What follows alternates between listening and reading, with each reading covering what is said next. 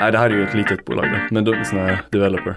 Eh, men det bolaget kan nog gå jättebra på några års sikt. Och sen de här Bannerman som också har en stor gruva som kan uppgraderas och bli stor. Men både Bannerman och eh, Forces, de har ganska höga kostnader för att bygga de här gruvorna. Alltså capex, hög capex.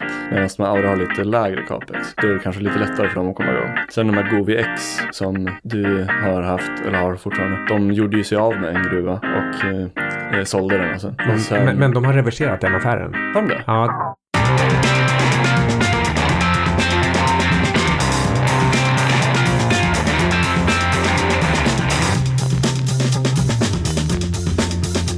Hej och välkommen till ett nytt avsnitt av 25 minuter med eh, mig Ludvig Sundström och och mig, Carl Mikael Syding.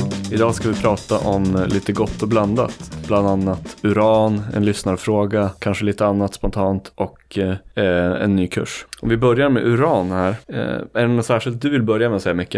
Jag tycker framförallt kan man väl ta upp att det har gått precis så bra som man hade hoppats, skulle man kunna säga. Till exempel har Cameco, det stora bolaget i uransektorn, det är upp nio gånger sedan eh, covid-botten. Och uranpriset, det är upp ungefär fem gånger sedan eh, botten för sju år sedan. Så det har, det har gått från ungefär 15 dollar till 75 dollar.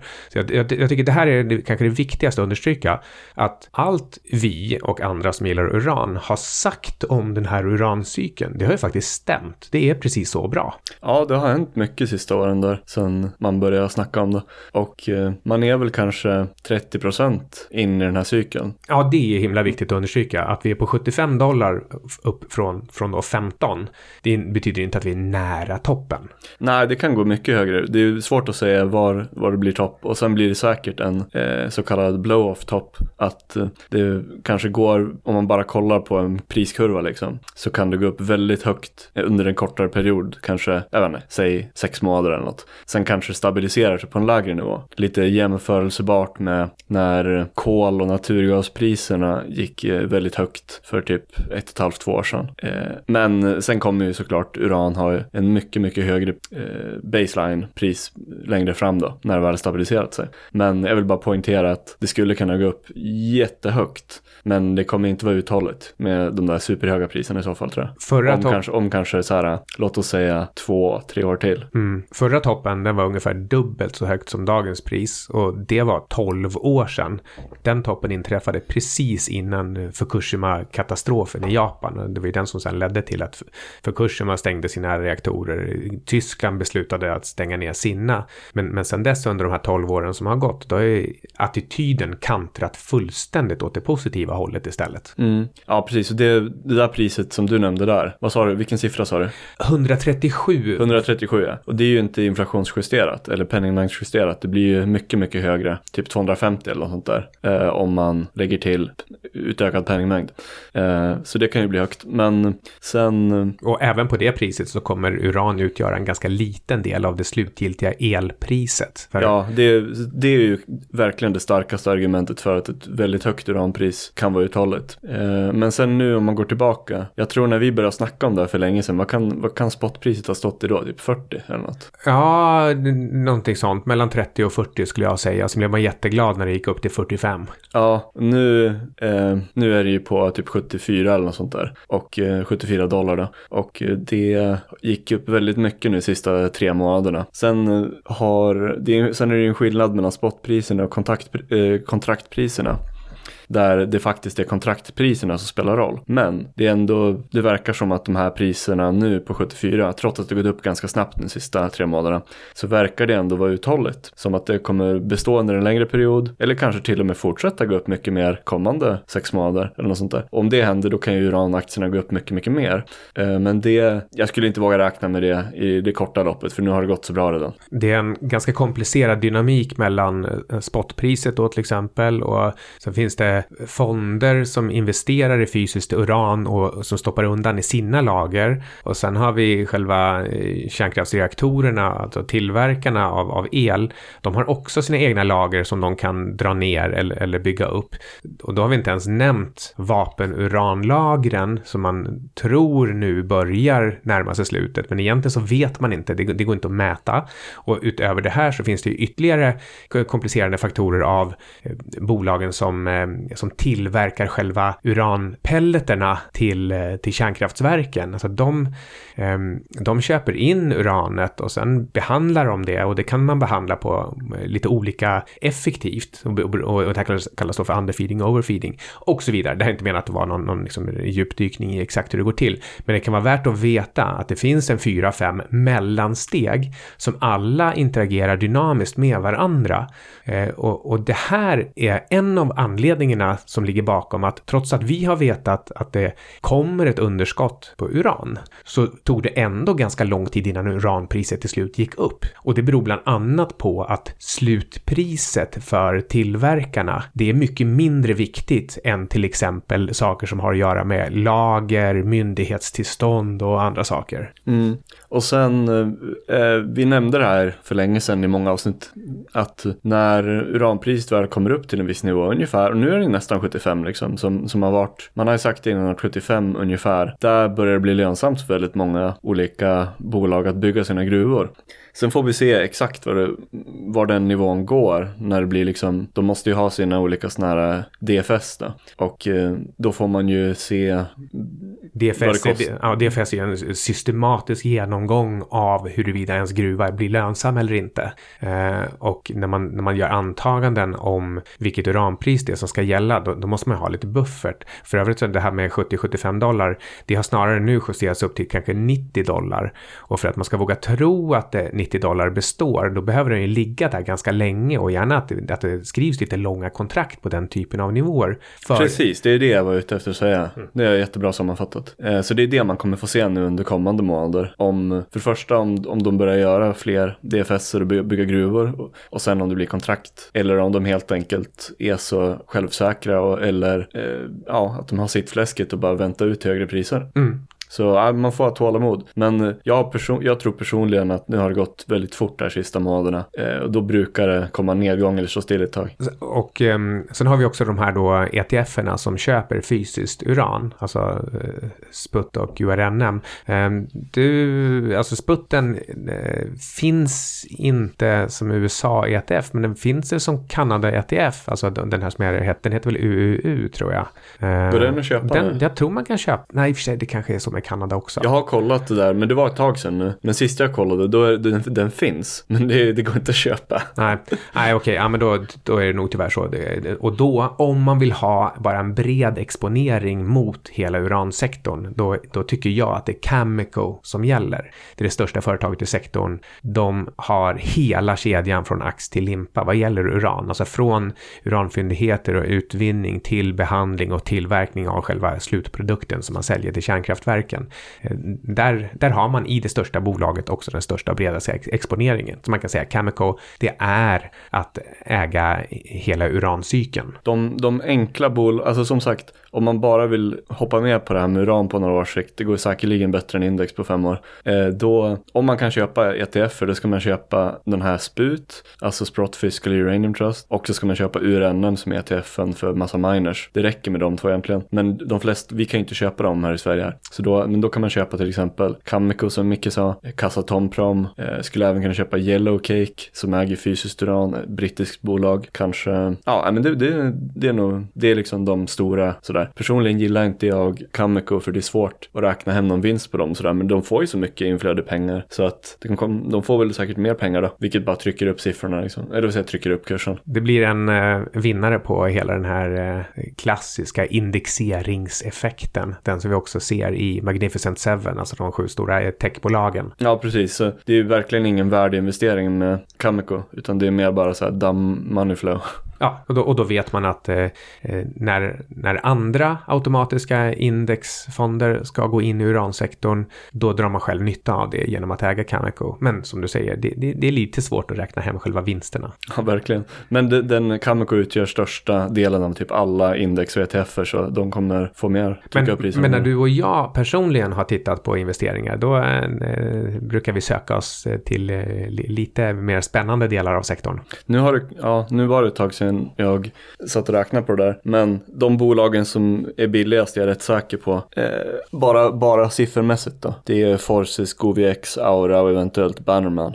Hur eh, tittar du på bolagen? Vad är det du menar är, är billigt så att säga? Utan att komma med några konkreta siffror utan mer liksom konceptbaserat. Eh, Är det per pund i marken eller ja? eh, det är en del, det var en, det är en eh, värderingsmetod. Sen den andra det var ju eh, kostnad att bygga gruvan och eh, alltså total, total all in sustainable cost. Eh, totala kostnader liksom. Och sen vilket pris man tror att de kör, flera olika priser, en sensitivitetsanalys, flera stycken olika. Och sen när gruvan är klar och sen hur lång den är, alltså life of mine. Så- Och sen en slutsumma på det och sen en DCF på det eller en sån här ranger-analys på det, någon av dem. Precis, så sammanfattningsvis kan man väl kalla det för att det är klassisk värdebaserad analys, precis så som vi tittar på i, i finanskursen. Man eh, tittar på eh, helt enkelt vad kostar grejen att ta upp inklusive finansieringskostnader? Hur många kilo kan man få upp totalt och, och per år? Hur länge finns det här kvar? Eh, och även vilken region ligger fyndigheten i? Mm. Eh, på tal om de bolagen jag nämnde, vi fick ju en fråga i det här eh, forumet på finanskursen och då, eh, då vi har ju snackat om massa bolag här innan, men då nämnde jag de här Forces för länge sedan och då fick jag en fråga om det där och jag har inte ändrat min åsikt om dem bara på pappret på siffrorna. För det, det stämmer fortfarande att de är de som är billigast på siffrorna och har störst uppsida. Men de har varit väldigt dåliga på execution. De har inte gjort så mycket jämfört med många andra bolag. Till exempel de här Bannerman och Aura, speciellt Aura har exekutat och gjort mycket mer. Liksom, de har duktigare ledningsteam som är snabbare och trycka fram att gruvan ska vara redo att byggas. Sen får man se hur det där går liksom. Men eh, de har kommit längre under de här typ ett och ett halvt eller två åren som man snackar om det där. Just de här Aura som också har den här jättestora fyndigheten här i Sverige som säkert aldrig kommer byggas tyvärr. Men de har ju en jättestor fyndighet här i Sverige. Eh, men de i alla fall, Aura, de, de har kommit jättelångt med sin gruva Tiris heter den. I, kommer inte ihåg vilket land i, i Afrika de har. Men de har verkligen, de, när vi började snacka om det här då hade de en dålig PA som var för länge sedan på typ 1,5 pounds om året. Sen eh, kom de fram jättemycket med det och uppdaterade den där så att, och har gjort, jag tror de har gjort en DFS på den nu som också uppdaterades så att de kan potentiellt, de uppgraderade det till 2,5 miljoner pounds per år med möjlighet att komma upp till hela 4 per år. Så det är ju en enorm, enorma framsteg och att de gjorde det så snabbt. Så man Aura är ju verkligen imponerande i sitt eh, ledningen liksom, att de driver fram bolaget. Man kan sätta det lite i perspektiv till den totala efterfrågan i världen. Den är ungefär 200 miljoner pounds per år. Ja, det här är ju ett litet bolag då, men de är sådana här developer. Eh, men det bolaget kan nog gå jättebra på några års sikt. Och sen de här Bannerman som också har en stor gruva som kan uppgraderas och bli stor. Men både Bannerman och eh, Forces, de har ganska höga kostnader för att bygga de här gruvorna, alltså capex, hög capex. Medan de här Aura har lite lägre capex. Då är det kanske lite lättare för dem att komma igång. Sen de här Govi X som du har haft, eller har fortfarande, de gjorde ju sig av med en gruva och eh, eh, sålde den alltså. Och sen, Men, men de har reverserat den affären. har de det? Ja, det blev... Eh, eh, köparna eh, backade undan på något sätt. Och, och- och då fick GoVX tillbaka den helt enkelt. Och det, var det? Ehm, några månader sedan. Eh, jag, pratade med Erik Kraft eh, på, som sitter i styrelsen. Eh, och han, han berättade det i samband med att han och jag pratade om den här statskuppen i Niger. Som också är ett litet problem för, för GoVX. Men, men då sa han att det var ganska bra ändå att vi fick tillbaka den här fyndigheten. Det var, väl, i- det var väl den i Namibia som de sålde. Eller, ja, jag är så dålig på de afrikanska länderna. Men, men de har i alla fall fått tillbaka den. Mm. Så, så de äger den. Och, och, och, och för övrigt, alltså GoVX, om man då jämför dem med några av dem du nämnde, de har inte kommit någon vart alls egentligen. De Så- har väl uppdaterat PFS och, eh, men säga, har, de väl på väg att göra sin DFS. Eh, ja, precis. Men, men, eh, men just i Niger som var flaggskeppet och där man, liksom, eh, man trodde ju egentligen från början att för, för ett helt år sedan så skulle de ha fått ett off-take-avtal. Men de har ju fortfarande inte fått ett off-take-avtal. Och det är väl typ ett år sedan också som man trodde att men nu när som helst så är de klara med att få, få en finansieringslösning från bankerna. Alltså att, att bankerna säger okej, okay, vi accepterar era kalkyler. Det här betyder att vi kan låna ut pengar till, att, till byggstart. Eh, så här i efterhand så är det ju bra att det faktiskt inte blev så, för hade du redan börjat bygga när statskuppen inträffade, då, liksom, då blir det problem och kostsamt. Nu så kan faktiskt GoviX bara ta ett steg tillbaka och vänta ut den här krisen. Mm. Men, men, men eh, tills vidare så händer liksom ingenting. Det blir vare sig en bankfinansiering eller ett offtake-avtal eller någonting, utan man, man, får nog räkna med att det, det dröjer ett år innan den här krisen är över och man är framme vid en punkt där man faktiskt kan börja med, eh, ja men eh, ta finansiering och, och påbörja en byggstart. Mm. Ja, ver verkligen mycket risker och eh, oförutsedda svårigheter som händer i mining i allmänhet. Men eh, svår sektor liksom. Man ska inte gå för tungt in i en enda. Men eh, eh, intressant det där med statskuppen i Niger där för att det var ju så många eh, inom det här med uran som så här eh, hyllat det här bolaget Global Atomic de har, alltså med god, med all rätt liksom, det är bra bolag, jag ska inte vara elaka mot dem sådär, men det är ändå, det här tycker jag ändå är ett sånt typiskt exempel på liksom att det är så mycket saker man inte kan eh, nödvändigtvis förutse och eh, oförutsägbara risker, black swans liksom. Så man, man ska aldrig gå in för tungt i sådana här gruvbolag liksom. Och det är ju väldigt många inom uran som har haft typ allt i det här eh, Global Atomic. Det mm. kan ju inte vara så kul.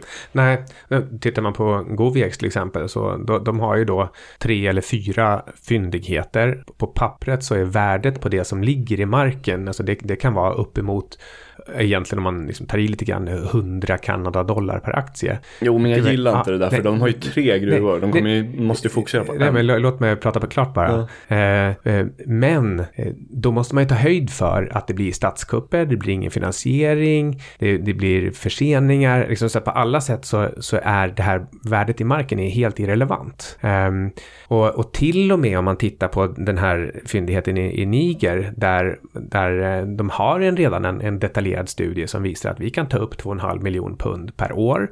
Vi kommer ha en låg kostnad för det här jämfört med de flesta. Eh, på dagens kurser så skulle man ju lätt ha 50 dollar, kanske inte lätt, men i alla fall 30 dollar eh, per pund i marginal. Då skulle man ju plötsligt göra 75 miljoner dollar i, i vinst per år. Ta det gånger fem, då är du uppe i 400 miljoner dollar och hela market cap är bara 100. Så liksom, då är det bara på en enda fyndighet så skulle den vara värd fyra gånger dagskursen på värderingen fem gånger vinsten. Alltså så här, då låter det som att, ja men herregud vad billigt och bra det här är. Men det är ju inte det ändå, utan den här är värderad av marknaden på ett ganska rimligt sätt som tar hänsyn till var det ligger någonstans och i vilket skede själva gruvan är. Och, och, och så här, det här gäller ju egentligen alla juniorer i gruvsektorn. De, om man går in lite omoget och tittar snabbt så tycker man shit vad billigt det här är. Det kan gå 10, 20, 100 gånger. Men, och det kanske det kan på väldigt lång sikt. Men det är också sant att det är korrekt värderat idag. Ja, vissa. Men eh, eh det finns, eh, det var, jag kommer tyvärr inte ihåg hans namn, men jag läste en bra bok av en jätteduktig gruvinvesterare. Och han, en av hans tumregler som var väldigt bra, det var att man ska eh, Alltså det som är så här, vad ska man kalla det för? Pounds in the ground. det är inte riktigt pounds in the ground men så här bara möjliga tillgångar som folk snackar om. Som ett bra exempel här vore de här Auras svenska fyndighet som har, det är en enorm potentiell gruva liksom. Vad ska det vara värt för Aura? I min åsikt ingenting, för det kommer typ aldrig byggas. Och om det byggs så kommer det ta 10 år eller 15 år, för Sverige är så långsamma liksom. Men det är en massa folk som sitter och säger att det ska vara värt mycket liksom. Bara oj, det här är värt mycket. Men det är inte det. Eh, men då hade den här tumregeln i alla fall från den här boken. När man kommer, när det är en sån situation, då ska man ge det ett värde på mellan 0 0 och 5 procent. Inte mer än 5 procent. Mm. Och det tycker jag är en jättebra tumregel för miningbolag. Mm. Och tar du någonstans däremellan på ungefär 1 procent av uh, pounds in the ground, då är det ungefär där Goviex värderas. Ja, men, men ja, fast det är inte riktigt jämförbart med det här eh, exemplet med Aura då. Men för i det här, i Goviex fall så liksom, de kan ju bygga de här gruvorna och sådär, men det, eh, men det finns, förstår du skillnaden som jag menar? Ja. ja. Men det, det var i alla fall en väldigt bra tumregel som man kan komma ihåg. Så nä, nästa gång folk håller på och snackar om sådana här typ, som den där svenska gruvan för Aura, den är inte värd något. Du har i alla fall för Just tillfället det, så finns det ett till bolag som heter, nu, någon får gärna rätta mig om jag har fel om det här, men jag är rätt säker på att bolaget Laramide, det är också ett sånt här uh, uranbolag som, på pappret ser det väldigt bra ut, men de finns i en delstat i, i Australien där det är olagligt att bygga urangruvor. Och det är ingen som nämner det. Det är helt sjukt. Sen vet jag inte, de kanske kan få möjlighet att bygga där senare för lagen ändras eller något. Men det finns sådana där exempel så här, på hur marknaden är väldigt ineffektiv. Det bolaget är inte värt någonting förrän det förändras liksom. Ändå gick det bolaget tillsammans med alla andra uranbolagen upp jättemycket. Och det, det är konstigt. Det är ineffektivt. En ineffektiv marknad liksom. Mm. Ja, men det är som när man hoppas på att leading edge materials ska få ta upp eh, rare earth elements utanför Gränna och det inte har getts något som helst nytt miljötillstånd för, för ny gruvverksamhet på, jag vet inte om det är 15, 20, 25 år eller om det till och med var 30 år utan några, några nya riktiga gruvor. Nu tror jag ju i och för sig att det här ändras snart nu, men, men eh, om, om man eh, började lite för tidigt så har man fått vänta länge på att en visserligen spännande fyndighet eh, som är värd någonting i, i, liksom i sig själv, men på att den också ska frigöras av lagstiftningen. Mm. Ja, intressant den. Eh, väntevärde och då menar jag inte väntevärde som i den riktiga utan i, det, i den riktiga benämningen som är liksom weighted average utan jag menar vänta, vänta och värde. ja. och, och, och, med allt det här sagt, i, eh, jag har ju en ganska konstig liksom, förvaltningsstruktur på allting jag äger. Det mesta är onoterat så att man ska ta det lite med en nypa salt när jag pratar om min noterade portfölj. Eh, men min noterade portfölj, i den så har jag 20% Uranium Royalty Corporation och 17% Goviex. Så att jag har 37 procent av min noterade portfölj och, och, och den innehåller ju bara gruvor egentligen. Eh, men 37 procent är då de här två små uranbolagen, verkligen förhoppningsbolag. Ja, men gruvor och olja och uran och sånt där, det borde gå bra på tio års sikt. Ja, och då gäller det också att kunna vänta. Det, får, det här får inte vara någonting du blir stressad eller nervös eller har, har bråttom med. Mm. Nu har vi snackat om det här så mycket så det blir ett avsnitt nästan. Men det vore intressant, kanske senare, eh, eller i ett framtida avsnitt, att prata om det här med REITs och eh, alltså real estate investment trusts och fastigheter. Om nu när det blir, det blev ju det här Fed-uttalandet, det kanske är en räntetopp nu. Mm, på tal om äh, väntan-värde, så det är antagligen inte bråttom in i REITs och svenska fastighetsbolag. Men tillräckligt nära i tiden och intressant för att vi borde spela in ett äh, avsnitt om eh, räntor, fastigheter och REITs ganska snart igen. Vi har fått en fråga om Lovisa, 20 år, som snart tar examen, ekonomexamen, om hur man bäst gör för att eh, skaffa ett, ett jobb efter examen. Alltså, eh, vilka nätverk ska man gå in i? Eh, hur kontaktar man företagen? Eh, finns det några smarta sätt att visa sin kompetens utöver betygen? Det, det är en ganska bred fråga, men också tror jag högst relevant för alla som kommer ut i en ganska tuff ekonomi med höjda räntor och, och lågkonjunktur. Eh, och eh, ska, ska gå till företag som snarare downsizar än är på anställningstråt. Va, vad tänker du spontant? Kanske ska ta kontakt med ett gäng företag och se om man kan få ett möte.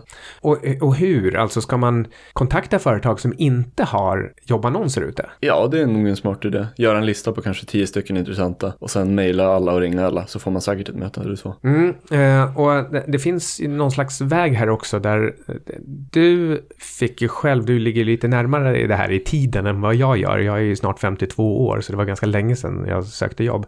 Men eh, att man alla måste ändå skriva någon slags exjobb och under exjobbet är det ett ganska bra tillfälle att börja bygga kontakter. Ja, det var verkligen, det är väl verkligen enkelt. Om, så se till att göra ex, det är ju verkligen enkelt att erbjuda sig att skriva exjobbet för ett företag. Och det är ju många som är intresserade av det, om det är ett stort företag i alla fall. Kanske inte små företag, men stora företag, som är, och där de flesta också vill ha ett jobb. På små företag, så de som sitter där, jag har ju till exempel varit anställningsansvarig eh, på eh, en, en liten hedgefond och eh, då var jag fullständigt allergisk mot om någon hörde av sig, eh, någon slags cold calling, skickat ett mail eller försökte ringa och fråga ifall vi hade några jobb. Det var ju till och med om, om, om någon bekant frågade så tyckte jag att det är inte så här vi gör när vi anställer. Men jag förstår också, för jag hör andra success stories om folk som, eh, ja men helt enkelt, de, de bestämmer sig för vad de själva är intresserade av, vad deras favoritarbetsplats skulle vara. Och om det är ett större företag, som till exempel IKEA, då är det nog en jättebra idé att ringa, mejla flera gånger, verkligen se till att ens namn kommer fram och att man är intresserad av specifikt det här. Att det inte är bara någon slags brett jobbsökande, utan man verkligen ser till att, fattar du inte, jag är ivrig här, jag vill verkligen. Och då till slut så, så kanske man kommer igenom på ett helt annat sätt än att bara vara en av 200 som skickar in ett svar på en jobbannons. Ja, det, det, det räcker nog så. Ja, men det, det, bästa tipset är nog att söka exjobb på ett bra företag och sen göra ett bra jobb och bli vän med dem och sen få ett jobb. Mm, en, en delfråga här var också om, om jag visste någon bra väg att söka praktikplatser. Min spontana reaktion är att man ska nog undvika vägar, citat, alltså citat på vägar. För eh, så fort man börjar prata om en väg eller en plattform då gör man någonting som alla andra gör. Alltså jag tror inte, inte på det här med, med, med, breda vägar eller breda angreppssätt, utan det ska verkligen vara riktat och tydligt och direkt anpassat till det man själv faktiskt kan och vill. Um, det är klart att uh, i, i dagens ekonomi och miljö så måste man fortfarande söka på jobbannonser. Alltså man måste göra all, på alla sätt man kan för att, för att få jobb. Um, men, uh, men, men tyvärr så är nog det övergripande svaret här att, Eh, att jag vet inte hur man ska göra det här. Jag förstår att det är svårt och jag vet inte, men jag tror att det man ska göra i alla fall försöka göra på lite annat sätt än andra. Och då är att höra av sig direkt till företag som inte ens eh, officiellt söker eh, nyanställda. Det är annorlunda. Ja, ehm, och sen eh, vi är snart klara nu med vår engelska investeringskurs, The Investing Course, som vi har hållit på att jobba med i sex månader ungefär. Ja, TIC. Ja. Och den bygger på föreläsningsserien som London Business School betalade mig för att hålla. Så att jag höll en föreläsningsserie på 14,5 timme där jag förklarar grunderna i hur man eh, hittar, analyserar, investerar och presenterar eh, eh, investeringar i aktier. Ja, och eh, den är ju på engelska så kanske inte så många som lyssnar här är intresserade, svårt att säga. Eh, men alla som har gått finanskursen kommer i alla fall få en 50% rabatt om de är intresserade. Kursen funkar så att på sex veckor så får man lära sig eh, samma saker som de här på London Business School fick, fick lära sig. Det är en del, eh, det är mycket videomaterial. Det är praktiska demonstrationer med screen capture och sen förstås också mina patenterade dokument och spreadsheets som eh, förklarar tydligt hur man faktiskt värderar och investerar i bolag. Mm, det är ganska mycket nytt material. Ja, men det var, eh, jag tror det var allt för avsnittet. Så hoppas vi kunna spela in ett nytt om ett tag snart. Ja. När vi har något intressant att ja, säga. Men kolla in på theinvestingcourse.com och, och se om, om det verkar intressant för dig eller någon annan. Ja, kolla hemsidan. Då hörs och ses vi och du har lyssnat på 25 minuter med Syding och Sundström.